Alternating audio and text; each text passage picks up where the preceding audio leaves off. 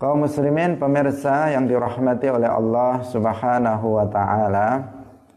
Qala al-muallif rahimahullahu taala aw azama 'ala al-kufri fil mustaqbali aw 'ala fi'li syai'in mimma dzukira aw taraddada fihi la waswasuhu aw ankara suhbata Abi Bakrin radhiyallahu anhu aw risalata wahidin minar rusuli al-mujma'i ala risalatihi. Aw azama ala al-kufri aw azama utawa nejo ala al-kufri ing atase kekufuran fil mustaqbali ing dalem mongso kang bakal teko aw ala fi'li syai'in utawa nejo utawa niat ing atase nglakoni suwiji-wiji. Mimma sangking barang zukira kang wis den tutur apa ma? Aw taraddada utawa miter-miter utawa ragu-ragu fihi ing dalam kufur. La waswasuhu ora waswase kufur. La waswasuhu ora melarati ora bahayani waswase kufur. Aw angkara utawa ngingkari sapa wong suhbata Abi Bakrin ing kesahabatane Abi Bakar radhiya muka-muka ngridoni sapa Allah Gusti Allah anhu sangking Abi Bakar. Au risalata wahidin utawa ngingkari risalae wong suwiji minar rusuli sangking pira-pira rasul al mujma'i kang ten sepakati ala risalatihi ing atase kerasulane wahidin minar rusul. Au jahada utawa ingkar sapa wong harfan ing sak huruf mujma'an kang den sepakati alaihi ing atase huruf minal qur'ani sangking al-qur'an. Au zada utawa nambah sapa wong harfan ing sak huruf fihi ing dalam al-qur'an mujma'an kang den sepakati ala nafyihi ing atase naf ora anane huruf mu'taqidan mu'taqidan halih nekotaken annahu satemene huruf iku minhu setengah sangking Al-Qur'an. Au kadzdzaba utawa utawa nggorohaken rasulan ing rasul. Au naqasahu utawa nyifati kurang sapa wong ing rasul au saghara utawa nasghir sapa wong ismahu ing asmane rasul. Biqasdi tahqirihi kelawan nejo ngino ing rasul au jawaza utawa menangaken sapa wong nubuwata ahadin ing kenabiane wong suwiji ba'da nabiyina ing dalam sause nabi kita rupane Muhammadin Nabi Muhammad sallallahu alaihi wasallam. Kaum muslimin pemirsa Madu TV yang dirahmati oleh Allah Subhanahu wa taala, kita masih menjelaskan tentang contoh-contoh riddah i'tiqadiyah Ritah keyakinan yang bersumber dari dalam hati. Nah, seseorang dikatakan jatuh kepada ritah. Nah, jatuh kepada ritah artinya menjadi murtad, menjadi keluar dari Islam. Nah, di antaranya jika seseorang itu berniat nah, berniat untuk melakukan kekufuran, berniat untuk kufur pada masa yang akan datang atau berniat untuk melakukan perbuatan kufur pada masa yang akan datang. Ini hukumnya jatuh pada kufur seketika itu juga. Nah, misalnya dalam hati seseorang mengatakan besok saya akan kufur. Misalnya minggu depan saya akan kufur. Tahun depan dia mengatakan saya akan kufur. Maka orang yang berniat untuk kufur di masa yang akan datang, hukumnya sekarang juga dia sudah kufur. Tidak menunggu besok, tidak menunggu minggu depan, tidak menunggu tahun depan enggak. Ketika itu, ketika dia berniat untuk melakukan untuk kufur, maka waktu itu juga dia jatuh kepada kufur. Man azama 'alal kufri uh, kafara fil hal. Dia kufur seketika itu tidak menunggu waktu yang dia niatkan. Nah, atau berniat untuk melakukan sesuatu yang sudah disebutkan, maka dia juga kufur, sesuatu yang kufur yang telah disebutkan dalam uh, sebelumnya Nah, dia berniat sekarang maka pada masa yang akan uh, uh, berniat sekarang untuk masa yang akan datang maka dia jatuh pada riddah seketika itu juga. Misalnya seseorang uh, mengatakan uh, pada minggu yang akan datang saya akan menafikan sifat Allah misalnya. Pada minggu yang akan datang saya akan meyakini bahwa Allah itu jisim. Nah, dia langsung seperti itu. Nah, maka di sini dia sudah jatuh pada riddah pada waktu itu juga. Nah, tidak menunggu apa hari besok, tidak menunggu minggu besok, nah, tidak menunggu apa yang akan dia niatkan, kekufuran yang dia niatkan itu dilakukan betul-betul, tidak menunggu itu. Sebab apa? Kok dia jatuh pada riddah ketika itu juga karena ketika ketika dia telah berniat untuk melakukan kekufuran berarti ada rasa ridho terhadap kekufuran. Nah, padahal ridho bil kufri kufrun. Ridho terhadap kekufuran adalah kufur. Nah, itu kaidahnya. Karena Allah Subhanahu wa taala di dalam Al-Qur'an berfirman wala yardha li'ibadihil kufur. Nah, Allah itu tidak ridho dengan kekufuran yang dilakukan oleh hambanya. Nah, karena Allah tidak ridho dengan kekufuran, maka kita juga nggak boleh ridho terhadap kekufuran. Ridho terhadap kekufuran adalah kufur. Kalau seseorang berniat untuk melakukan kekufuran pada masa yang akan datang, berarti hari itu dia ridho dengan kekufuran yang dia niatkan akan dilakukan pada masa yang akan datang. Maka dia kufur waktu itu juga tidak menunggu masa yang dia akan lakukan itu. Nah, kaum muslimin pemirsa yang dirahmati oleh Allah Subhanahu wa taala. Kita lanjutkan lagi.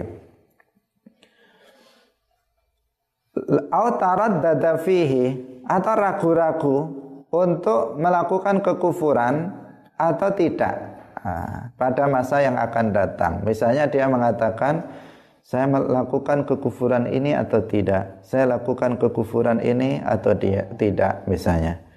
Nah, maka nah, saat itu juga dia jatuh kepada kekufuran. Artinya seseorang itu wajib untuk mengosongkan hatinya dari segala keinginan atau niat untuk melakukan kekufuran. Dibersihkan sama sekali uh, tidak ada niat dan tidak ada keraguan antara melakukan kekufuran atau tidak melakukan kekufuran.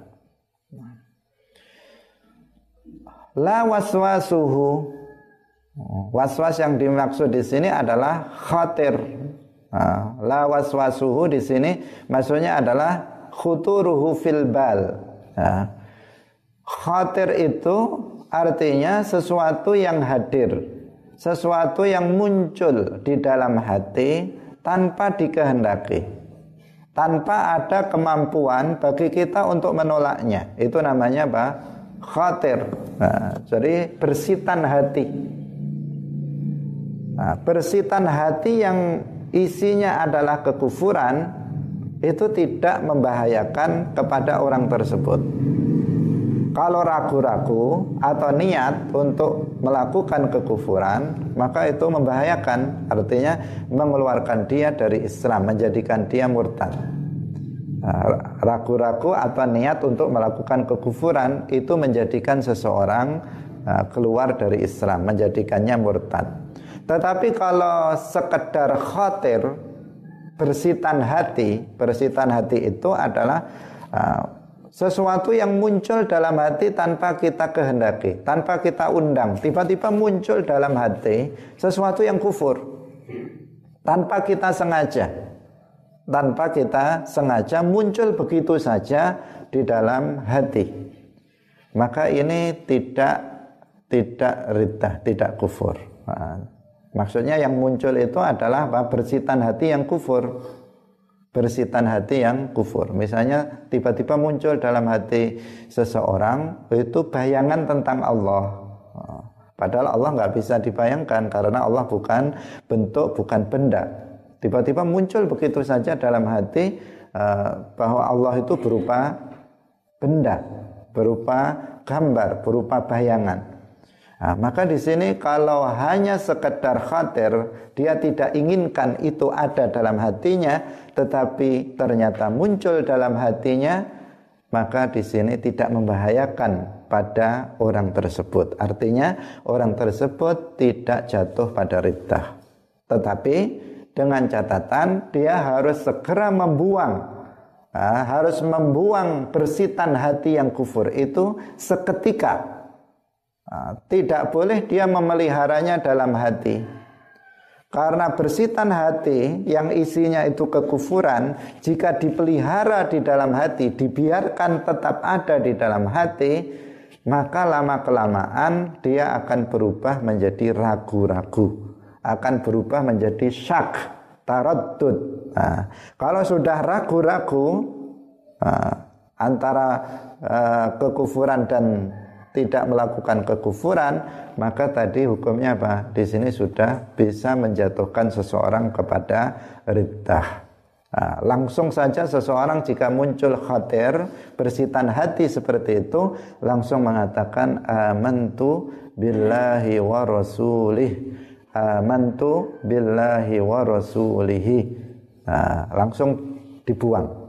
Nah, dibuang apa? Bersitan hati yang isinya adalah kekufuran tersebut dan dia tetap selamat uh, di dalam keimanannya. Kaum muslimin pemirsa yang dirahmati oleh Allah Subhanahu wa taala. Nah, yang selanjutnya kufur uh, i'tiqadi atau riddah i'tiqadiyah yang selanjutnya adalah mengingkari kesahabatan Sayyidina Abi Bakar radhiyallahu anhu. Jadi mengatakan dalam hatinya Abu Bakar itu bukan sahabat, bukan sahabat Nabi. Ini hukumnya juga murtad. Kenapa? Karena kesahabatan uh, Sayyidina Abi Bakar As-Siddiq radhiyallahu anhu itu bahkan sudah disebutkan di dalam Al-Qur'an, telah dijelaskan di dalam Al-Qur'an. Nah, dalam firman Allah surat At-Taubah ayat 40 disebutkan id yaqulu li sahibihi la tahzan innallaha ma'ana. Id yaqulu li sahibihi ketika Nabi Muhammad berkata kepada sahibnya, nah, sahibnya, la tahzan, janganlah kamu bersedih, innallaha ma'ana karena sesungguhnya Allah akan menolong kita. Nah, li sahibihi berkata kepada sahibnya, kepada sahabatnya. Siapa yang dimaksud dengan sahabat ini? Seluruh ulama tafsir tanpa ada perbedaan pendapat, semua mengatakan sahib dalam ayat ini adalah Abu Bakar As-Siddiq radhiyallahu anhu. Nah, semuanya sepakat. Sahib dalam ayat ini adalah Abu Bakar radhiyallahu anhu. Nah, karena itu kesahabatan Sayyidina Abi Bakar As-Siddiq radhiyallahu anhu itu sudah dijelaskan di dalam Al-Qur'an. Nah, karena itu nggak boleh seseorang kemudian mengingkari kesahabatan Abu Bakar As-Siddiq radhiyallahu anhu. Nah, sebenarnya bukan hanya Abu Bakar mengingkari kesahabatan Sayyidina Umar, Utsman, Ali itu juga sama hukumnya dengan mengingkari kesahabatan Sayyidina Abu Bakar As-Siddiq radhiyallahu anhu. Kaum muslimin pemirsa yang dirahmati oleh Allah Subhanahu wa taala. Sahabat artinya orang yang bertemu dengan Nabi di masa hidupnya Nabi. Orang yang bertemu dengan Nabi di masa hidupnya Nabi, dia beriman dengan Nabi, dan dia mati dalam keadaan beriman. Itu yang disebut dengan sahabat. Kalau ada seseorang hidup pada masa Nabi tetapi nggak pernah ketemu dengan Nabi meskipun dia muslim mati dalam keadaan muslim dia bukan sahabat seperti misalnya Ashamah An-Najashi Ashamah An-Najashi itu adalah hidup pada masa Nabi tetapi beliau dari Habasyah, jauh dari Afrika, jauh dari Madinah. Beliau masuk Islam di hadapan sahabat Ja'far bin Abi Talib ketika hijrah ke Habasyah. Nah, dia seorang raja, asalnya seorang Nasrani, kemudian dia masuk Islam sebagai seorang raja yang sangat baik. Ya, Islamnya juga sangat baik sehingga dia bukan hanya menjadi muslim biasa tetapi waliullah. Dia menjadi seorang wali. Nah Ashamah An-Najasyi dia belum pernah ke Madinah sehingga ketemu Nabi. Meskipun hidup pada masa Nabi tetapi beliau tidak pernah bertemu dengan Nabi maka Ashamah An-Najasyi ini bukan seorang sahabat tetapi seorang tabi'in. Kenapa? Karena beliau ketemu dengan sahabat tidak ketemu Nabi tetapi ketemu dengan sahabat. Nah, jadi eh, sahabat itu orang yang hidup pada masa Nabi dan bertemu dengan Nabi, kemudian dia beriman dengan Nabi. Kalau dia kafir seperti Abu Jahal, Abu Lahab, bukan sahabat. Kemudian mati dalam keadaan beriman. Inilah sahabat. Abu Bakar As-Siddiq radhiyallahu anhu sahabat Nabi. Bukan hanya sekedar sahabat bahkan beliau adalah sahabat yang terdekat dengan Nabi. Jadi sahabat Nabi yang paling dekat adalah Abu Bakar As-Siddiq radhiyallahu anhu. Dan bahkan beliau uh, beliau adalah afdalu aulia il bashar. Uh, beliau bukan hanya sahabat yang paling mulia tetapi uh, apa wali Allah yang termulia sejak wali-wali zaman sebelum Nabi Muhammad sampai nanti pada hari kiamat tidak akan ada seorang wali yang uh, mengungguli derajat kewalian Sayyidina Abi Bakar As-Siddiq radhiyallahu anhu. Orang yang mengatakan dalam hatinya Abu Bakar itu bukan sahabat Nabi, maka di sini apa? Dia telah jatuh kepada riddah. Kenapa? Karena tadi dengan alasan yang sudah kita jelaskan Al-Quran saja menegaskan bahwa beliau adalah seorang sahabat. Kaum muslimin pemirsa yang dirahmati oleh Allah Subhanahu wa taala. Kemudian aw risalata wahidin minar rusuli al-mujma'i ala risalatihi. Di antara contoh riddah keyakinan adalah mengingkari kerasulan seorang rasul yang telah disepakati kerasulannya. Seperti Nabi Adam alaihissalam, Nabi Musa alaihissalam, Nabi Isa alaihissalam, Nabi Muhammad, Nabi Ibrahim, Nabi Nuh. Nah, karena ada uh, seseorang itu yang diperselisihkan apakah dia nabi atau bukan nabi? Itu ada. Seperti misalnya Nabi Khadir alaihi salam. Nabi Khadir sampai sekarang beliau masih hidup. Nah, sebagian orang soleh itu bisa bertemu dengan Nabi Khadir alaihi salam. Ditemui oleh Nabi Khadir alaihi salam. Tidak sembarangan orang. Tidak sembarangan orang tidak sekedar seseorang kemudian uh, karena dikatakan bahwa Sayyidina Khadir itu ada di lautan kemudian seseorang setiap hari kerjanya di pinggir pantai aja biar ketemu Nabi Khadir. Atau di pinggir kali saja setiap hari alasannya biar ketemu Nabi Khadir. Nggak bisa seperti itu Nah, nggak bisa. Bukan uh, Nabi Khadir alaihi salam memang ada di lautan. Lautan bagi Nabi Khadir itu seperti daratan bagi kita. Beliau berjalan di atas laut seperti kita berjalan di atas tanah. Nah, nggak ada bedanya bagi beliau. Nah, itu Nabi Khadir alaihi salam. Nah, jika beliau berkehendak untuk menemui seseorang, maka beliau akan datang kepadanya tidak harus dia berada di pinggir kali atau di pinggir pantai, enggak.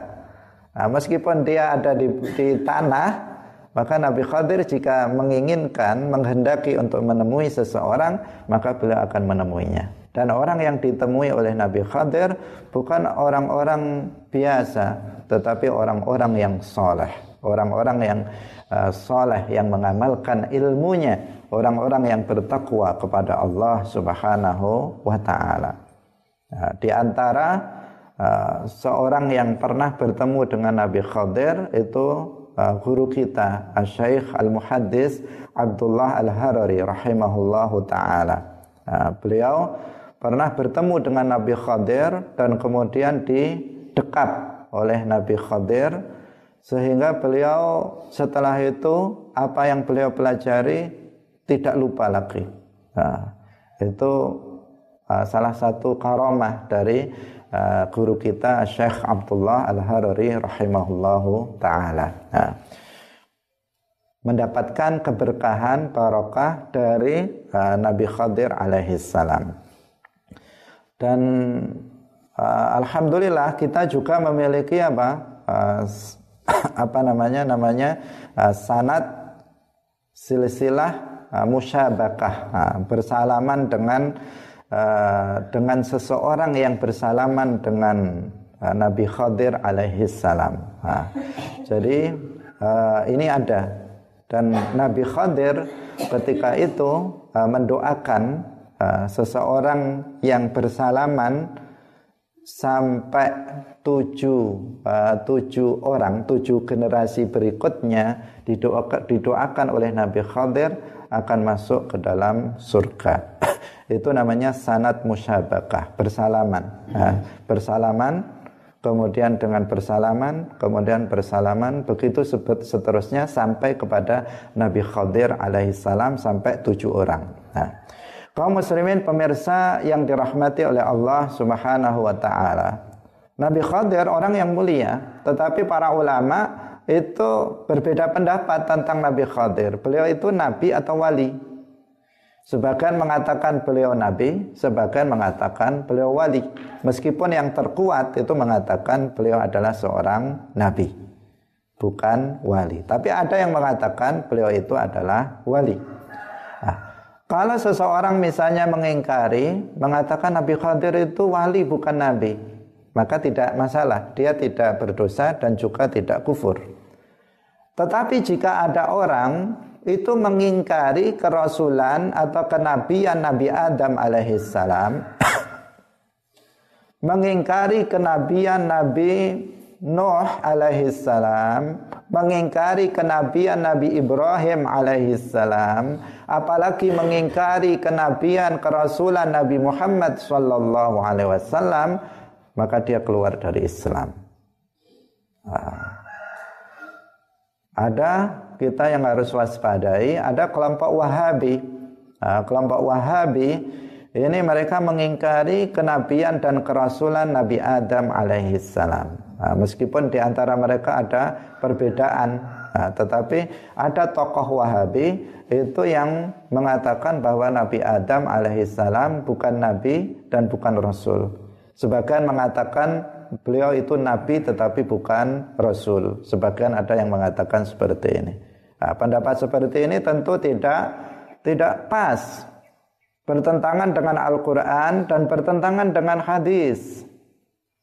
Nah, Di antaranya adalah firman Allah Subhanahu wa taala, "Inna Allah astafa Adama wa Nuha wa ala Ibrahim wa ala Imran 'alal alamin."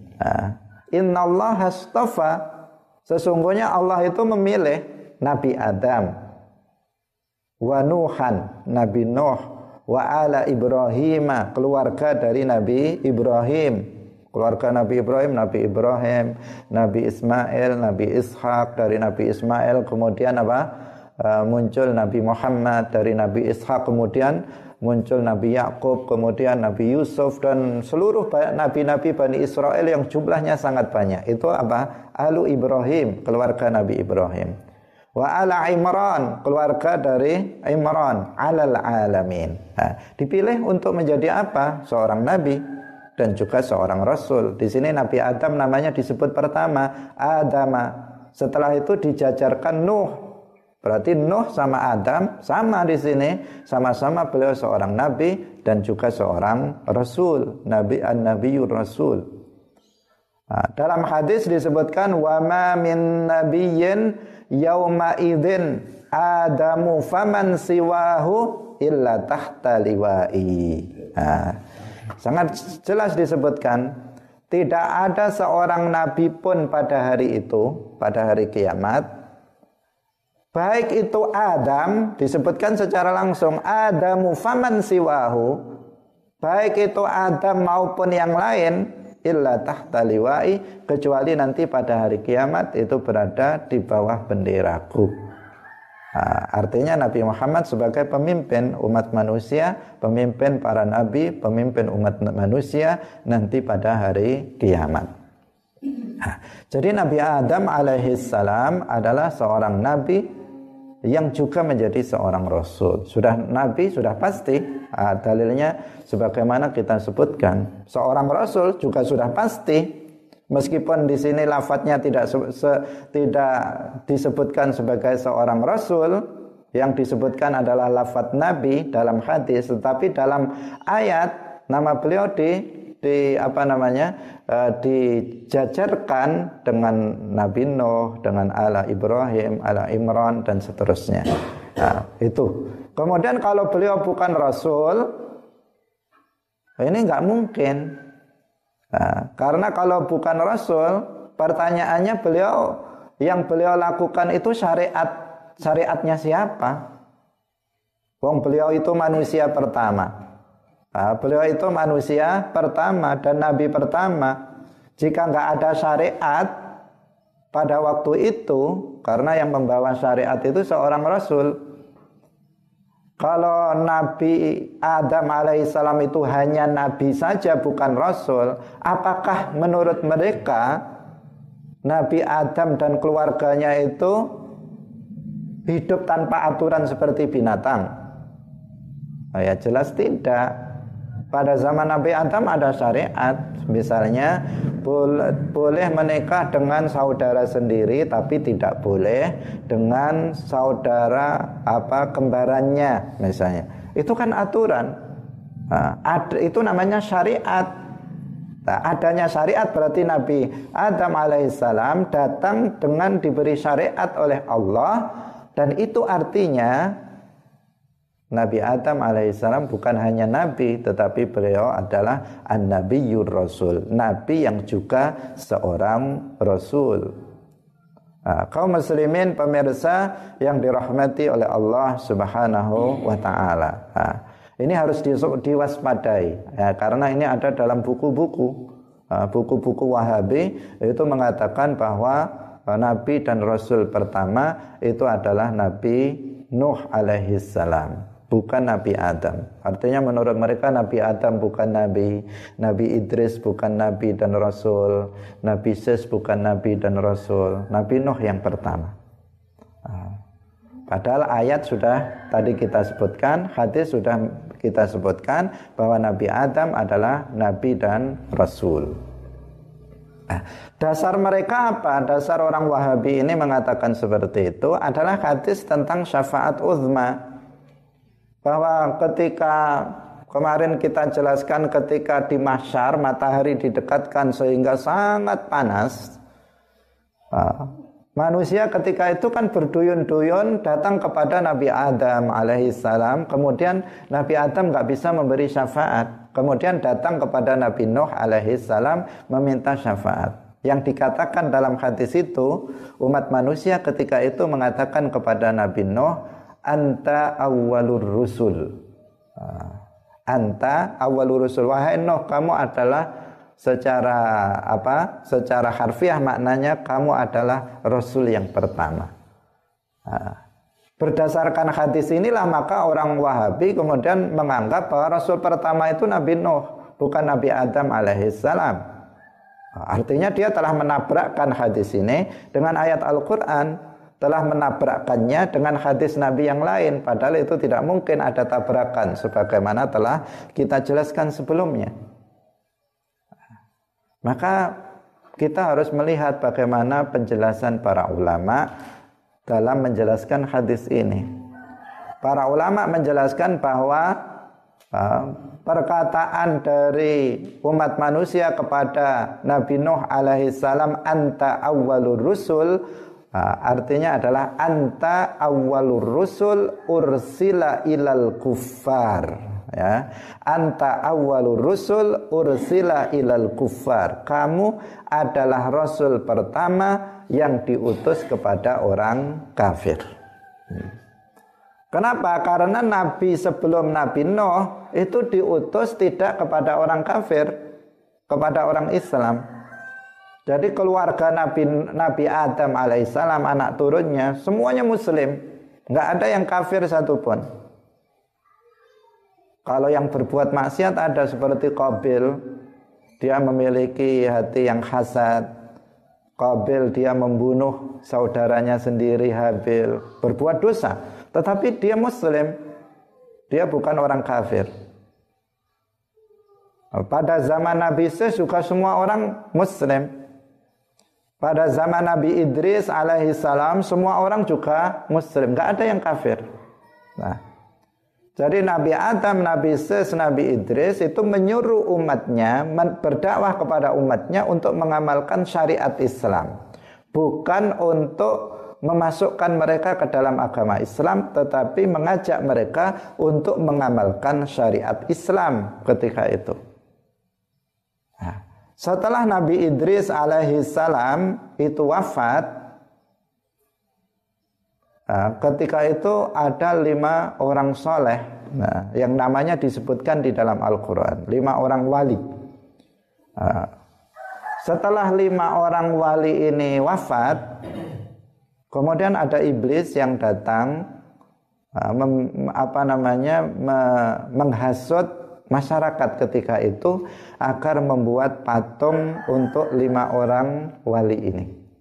Nah, mereka buat dibuat aja patung untuk kenang-kenangan. Mereka orang yang berjasa, mereka orang yang soleh. Kita buat kenang-kenangan untuk patung, untuk peringatan, untuk patung lima orang soleh, lima orang wali ini. Akhirnya dibuatlah patung lima orang wali ini. Nah, pada generasi itu mereka tahu tujuannya adalah hanya untuk mengenang, untuk mengingat jasa lima orang wali itu bagi masyarakat. Tetapi setelah berganti generasi, nah, generasi pertama habis, generasi kedua sudah nggak ada lagi. Maka kemudian apa? Datang iblis lagi uh, untuk me menyesatkan manusia ketika itu. Iblis datang kepada mereka, "Kenapa kamu biarkan patung-patung itu? Nenek moyang kamu dulu membuat patung ini itu untuk disembah. Kenapa kalian sekarang nggak mau menyembahnya?" Akhirnya saat itulah mulai ada orang yang musyrik. Mulai ada orang yang menyembah selain Allah, berbuat syirik, yaitu menyembah patung. Nah, inilah pertama terjadi kesyirikan. Inilah pertama kali terjadi kekufuran. Nah, setelah itu terjadi jahiliyah pertama lamanya seribu tahun. Nah, baru kemudian Nabi Nuh alaihi salam diutus. Untuk mengajak mereka masuk ke dalam agama Islam. Berarti Nabi Nuh adalah awalur rusul, rasul pertama yang diutus untuk orang-orang kafir. Nah, itu makna hadis itu bukan artinya Nabi Nuh itu awalur rusul secara mutlak enggak. Nah, tidak secara mutlak karena awalur rusul secara mutlak adalah Nabi Adam alaihissalam. salam. Ah. Kaum muslimin pemirsa yang dirahmati oleh Allah Subhanahu wa taala. Anak kecil pun ketika ditanya siapa nabi yang pertama, mereka akan menjawab Nabi Adam alaihissalam. Nah, tetapi orang Wahabi mereka mengatakan nabi dan rasul pertama adalah Nabi Nuh alaihissalam. Nah, ini bertentangan dengan Al-Quran, bertentangan dengan hadis, dan bertentangan dengan ijma. Kaum muslimin pemirsa yang dirahmati oleh Allah subhanahu wa ta'ala. Kita lanjutkan lagi. Au jahada harfan mujma'an alaihi minal Qur'an au zada harfan fihi mujma'an ala nafyihi mu'taqidan annahu minhu di antara riddah keyakinan adalah mengingkari satu huruf yang disepakati itu adalah dari Al-Quran. Atau menambah huruf dalam Al-Quran yang disepakati itu bukan huruf Al-Quran. Dengan meyakini bahwa itu adalah huruf Al-Quran. Nah, ini riddah. Seperti yang kita sampaikan sebelumnya, Al-Quran itu terjaga tidak akan bisa dirubah ditambahi satu huruf dikurangi satu huruf. Itu nggak nggak nggak akan bisa. Nah, orang yang mengurangi satu huruf Al-Quran atau menambah satu huruf Al-Quran, nah, mengurangi atau menambah dengan meyakini bahwa tambahannya itu adalah bagian dari Al-Quran, maka hukumnya juga jatuh kepada riddah keyakinan. Nah, ini. Misalnya seseorang uh, mengurangi misalnya qul huwallahu ahad. qul huwallahu ahad artinya katakanlah wahai Muhammad Allah itu ahad. Kemudian pakai pikirannya sendiri dia mengatakan loh Kul itu berarti bukan Quran itu. Mestinya yang Quran huwallahu ahad.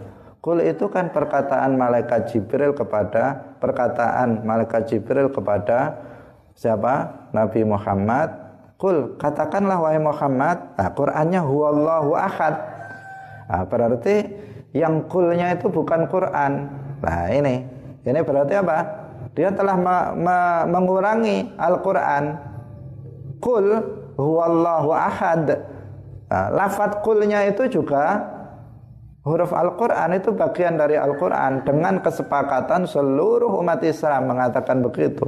Kalau ada orang yang kemudian mengingkarinya, nah, meyakini bahwa itu bukan uh, bukan dari Al-Quran, maka itu apa namanya jatuh pada riddah. Nah, tetapi dengan ketentuan apa tadi? Al-Qur'annya itu huruf Al-Qur'annya itu mujma' alaih bahwa itu adalah benar-benar termasuk bagian dari Al-Quran.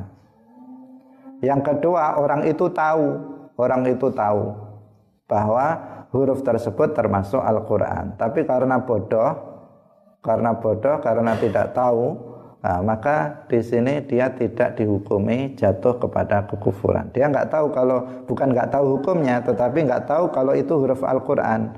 Dikira itu bukan huruf Al-Quran. Kemudian dia ini nggak ada ini wawunya ini. Dia mengatakan begitu. Dia yakin sekali nggak ada, padahal ada. Nah, nah, ini karena apa? Karena ketidaktahuannya, maka di sini dia tidak dihukumi uh. Atau orang yang membaca Al-Quran karena apa? Karena kebodohannya, dia kemudian menambah huruf Al-Quran atau mengurangi huruf Al-Quran karena kebodohannya. Sekarang banyak sekali orang-orang yang seperti itu. Kalau membaca Al-Quran, itu nambah-nambah huruf, ngurang-ngurangi huruf. Ah, Indikasinya apa? Yaitu yang panjang dipendekkan, yang pendek dipanjangkan. Itu kan nambah huruf. Kalau misalnya kul dibaca kul, misalnya kul huwallahu ahad, misalnya dia mengatakan begitu. Ini kan nambah huruf. Kalau dia mengatakan seperti itu, kul berarti tambah wawu itu. Setelah qaf ada wawu, nambah huruf ini. Huwallahu ahad. Itu nambah alif setelah ha. Allahu somad. Dipanjangkan itu berarti nambah alif itu bagaimana orang yang seperti itu? Nambah-nambah huruf dalam Al-Quran. Nah, dia berdosa, sudah pasti dia berdosa. Karena wajib seseorang itu membaca Al-Quran itu dengan tajwid. Belajar ilmu tajwid memang fardu kifayah, tetapi membaca Al-Quran dengan tajwid itu hukumnya wajib ain. Enggak boleh seseorang kemudian membaca Al-Quran uh, yang panjang harusnya panjang dipendekkan, yang pendek dipanjangkan, yaitu khususnya untuk mat mat asli, mat tabi'i itu harus uh, harus diperhatikan. Nah, kalau seseorang karena kebodohannya kemudian membacanya seperti itu, dia berdosa tetapi tidak murtad. Karena apa? Dia tidak sengaja karena kebodohan dia saja yang kemudian menjadikan dia membacanya seperti itu. Nah, yang sering yang sering kan seperti itu. Misalnya dia mengatakan sering seringnya dalam tahlilan ini ya, yang sering dalam tahlilan yang harus diingatkan. Kadang membaca seperti itu. Qul huwallahu ahad, Allahu somad. Nah, itu bahaya sekali, itu keliru. Nah, itu keliru. Bacaan seperti itu menambah Al-Qur'an. Kadang yang pen, yang panjang dipendekkan. Nah, misalnya Allahus Somad misalnya dia mengatakan seperti itu nah, harusnya Allah nah, dia baca Allah itu juga berarti mengurangi huruf itu nggak boleh haram hukumnya nah, haram hukumnya nah, tetapi karena jika itu dilakukan karena kebodohannya dalam membaca Al-Quran karena menyesuaikan lagunya misalnya maka di sini tidak uh, dia tidak tidak murtad tetapi dia tetap berdosa. Nah, tetap berdosa. Misalnya laki uh, seseorang membaca yang biasanya mengatakan wa'fu anna gimana itu harusnya dipanjang uh, uh, harusnya dipendekkan dibaca panjang wa'fu dipanjang wa'fu harusnya anna dibaca anna nah, misalnya itu itu banyak sekali orang yang membacanya seperti itu. Nah, itu kan juga ada nambah, ada mengurangi huruf. Itu dosa orang yang membaca Al-Quran seperti itu. Tetapi dia tidak murtad karena kebodohan dia. Tapi kalau dia sengaja, ini saya panjangkan karena sebenarnya ada alifnya ini, padahal nggak ada alifnya. Nah, karena ingkar, maka ini bisa menyebabkan seseorang jatuh kepada riddah. Nah, kaum muslimin pemirsa yang dirahmati oleh Allah, karena itu membaca Al-Qur'an ini harus ditalakikan. Membaca Al-Qur'an itu seperti halnya kita belajar ilmu agama secara umum, apalagi Al-Qur'an itu harus ditalakikan. Talaki itu bagaimana membaca Al-Quran langsung kepada guru yang bersanat. yang guru kita itu membaca Al-Quran kepada gurunya, yang gurunya kepada gurunya, begitu sampai kepada Rasulullah Sallallahu Alaihi Wasallam. Nggak boleh seseorang belajar membaca Al-Quran hanya dengan membaca Iqra lima jilid, kemudian membaca Al-Quran sendiri, nggak boleh. Seperti orang zaman sekarang. Nah, jadi dia hanya baca Iqra, nah, lima jilid atau enam jilid. Setelah itu apa? Dia baca Al-Quran sendiri. Nggak boleh itu namanya asal bunyi. Nah, nanti asal bunyi. Tetapi Al-Quran harus ditalakikan dibaca di hadapan guru dibaca di hadapan guru dari mulai Al-Fatihah sampai kepada An-Nas dibaca di hadapan guru. Karena di sana ada yang bacaan gharib dan seterusnya yang harus didengar oleh seorang guru baru dipastikan dia berarti telah belajar membaca Al-Qur'an. Nah, karena hari ini banyak orang yang menawarkan metode belajar Al-Qur'an cepat. Nah, jadi cepat hanya 24 jam bisa baca Al-Qur'an misalnya. Nah, ternyata bisa yang dimaksud adalah bisa bunyi, nah, bisa bunyi. Nah, artinya kalau dia baca ada bunyinya, Quran itu ada. Tetapi apa? Berantakan, nah, berantakan membacanya karena tidak sesuai dengan prosedur, tidak sesuai dengan tata cara di dalam membaca Al-Quran. Bahwa dalam membaca Al-Quran itu harus uh, ditalakikan, musyafahah uh. Kita harus seperti itu. Datang kepada seorang guru yang guru itu telah belajar Al-Quran kepada gurunya. Gurunya itu juga telah belajar Al-Quran kepada gurunya sampai kepada Rasulullah Shallallahu kalau seseorang belajar Al-Quran otodidak itu bukan pujian. Uh, terkadang seseorang bangga saya bisa belajar sendiri di rumah misalnya. Nah, itu bukan kebanggaan, itu sebuah keburukan yang membahayakan dirinya nanti di akhirat orang yang seperti itu. Hmm. Itu. Jadi harus dipastikan bahwa kita juga talaki Al-Qur'an. Tetapi yang wajib dipelajari Al-Qur'an itu yang wajib dipelajari adalah Al-Fatihah. Nah, sedangkan selain Al-Fatihah itu fardu kifayah, tidak fardu ain. Yang fardu ain yang setiap muslim wajib untuk bisa membacanya adalah membaca suratul Fatihah. Karena suratul Fatihah itu adalah salah satu rukun salat. Membacanya adalah salah satu rukun salat. Yang salat itu tidak sah tanpa membaca suratul Fatihah. Maka wajib bagi setiap muslim untuk bisa membaca Al-Fatihah. Karena itu harus kita pastikan bahwa kita telah belajar membaca suratul Fatihah di hadapan guru khusus untuk Al-Fatihah. Kalau yang lain misalnya nggak sempat dan di kampung itu sudah ada yang membaca Al-Quran eh, dengan apa namanya dengan talaki belajar Al-Quran dengan talaki kepada guru sebagian sudah ada maka bagi dia dia tidak berdosa.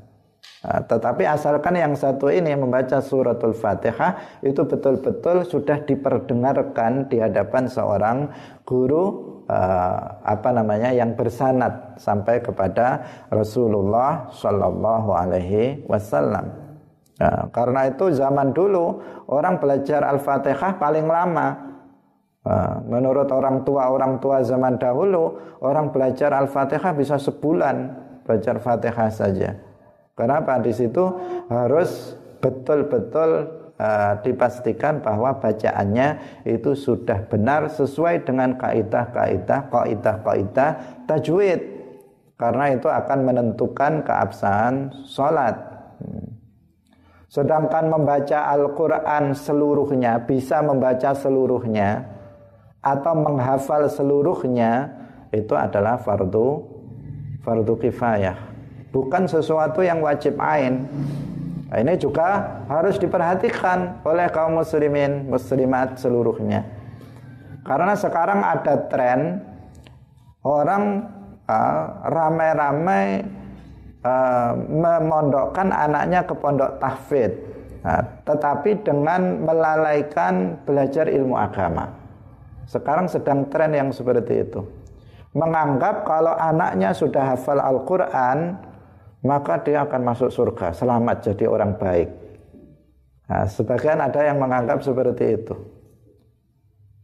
Nah, itu anggapan yang tidak tepat jika mengesampingkan belajar ilmu agama dalam pengertian belajar akidah yang benar, belajar apa namanya e, ibadah yang benar itu tidak dilakukan. Nah, karena kecenderungannya seperti itu. Ketika dia fokus menghafal Al-Quran sebelumnya ketika kecil dia belum apa namanya belajar ilmu agama. Sebenarnya Al-Quran itu ya sudah isinya adalah ilmu agama. tapi sebagian hanya fokus menghafal lafadznya saja, tidak memahami isinya. nah, sementara isinya itu kan sudah diwujudkan oleh para ulama dalam disiplin-disiplin ilmu, ilmu akidah, ilmu fikih, ilmu akhlak itu semuanya isinya Al-Qur'an. Nah, sebagian orang itu fokus dengan hafalan lafadznya, bacaannya saja difokuskan Seakan-akan jika dia sudah hafal Al-Quran, meskipun nggak apa namanya nggak paham tentang akidah, tentang fikih, seakan-akan dia sudah dijamin masuk surga. Nah, itu tidak benar itu. Nah, tidak benar. Kalau seseorang mampu menggabungkan antara keduanya, belajar Al-Quran, menghafal Al-Quran dan mempelajari isinya dengan mempelajari akidah, kemudian akhlak, ibadah, maka itu sesuatu yang luar biasa, sesuatu yang kelebihan yang luar biasa. Nah, yang kita kita waspadai harus kita waspadai, yang kita peringatkan ini bukan yang itu enggak. Kalau itu uh, sangat bagus. Tetapi kecenderungan seseorang hanya menghafal lafadznya, kemudian dia mengabaikan belajar ilmu agama. Uh, meskipun itu juga bagian dari ilmu agama, tapi itu fardu kifayah Nah, dia mengabaikan belajar ilmu fardu ain. Nah, dia hafal Al-Quran tapi ditanya rukun wudhu ada berapa? Tengok, tengok nggak tahu. Nah, dia hafal Al-Quran ditanya tentang misalnya istinja, dia nggak paham. Dia tentang ditanya tentang sifat wujud kita, bakok, dia nggak paham. Ini bahaya sekali ini. Nah, dia mengira dia akan selamat di akhirat, tetapi sebaliknya yang akan terjadi. Nah, karena itu uh, ini harus diperhatikan. Bagus uh, seseorang punya anak kemudian menghafal Al-Quran itu bagus, sangat bagus. Tetapi jangan lupa juga mengajarkan kepada anak isinya Al-Quran yang merupakan bagian dari ilmu fardu ain misalnya adalah masalah pokok-pokok akidah tentang dasar-dasar ilmu ibadah, ilmu fikih, dasar-dasar ilmu akhlak yang semuanya itu sebenarnya diambil dari Al-Qur'an yang sudah dijelaskan oleh para ulama. Itu juga harus dipelajari. Nah, karena sebagian orang yang itu tadi tersibukkan dengan hafalannya, kemudian dia sudah menganggap ilmu-ilmu itu nggak penting. Ini yang jadi masalah. Nah, anggapan bahwa ilmu yang lain ketika dia sudah hafal Al-Quran, ilmu yang lain tidak penting, ini yang jadi masalah. Nah, tetapi ketika uh, ketika apa namanya seseorang mampu menggabungkannya, ini tentu keutamaan yang luar biasa. Uh, dahulu para ulama zaman dahulu selalu memulai belajarnya itu dengan belajar ilmu fardu ain kemudian menghafal Al-Qur'an itu para ulama zaman dahulu. Nah, tetapi uh, apa namanya? Uh, kalau kita melihat uh, mereka tidak mengabaikan apa belajar ilmu-ilmu agama. Bahkan ini dijadikan sebagai tonggak dalam menghafal Al-Quran itu adalah sebagai tonggak untuk mempelajari ilmu-ilmu agama secara lebih mendalam. Nah, yang khawatir itu adalah seseorang berhenti di sini berhenti pada hafalan saja. Udah, pokoknya untuk tiap semaan terus menerus, untuk taktiman terus menerus, sementara dia melupakan belajar ilmu agamanya untuk MTQ, ikut MTQ dan seterusnya. Sementara uh, belajar ilmu agamanya tidak diperhatikan. Nah, yang terbaik adalah dua-duanya, kalau bisa. Nah, kalau tidak, maka paling tidak uh, apa namanya ilmu din, ilmu agama yang fardu ain itu harus dipelajari. Nah, sampai di sini waktu telah habis semoga bermanfaat. Barakallahu fikum wallahul muwaffiq ila aqwamit thariq. Wassalamualaikum warahmatullahi wabarakatuh.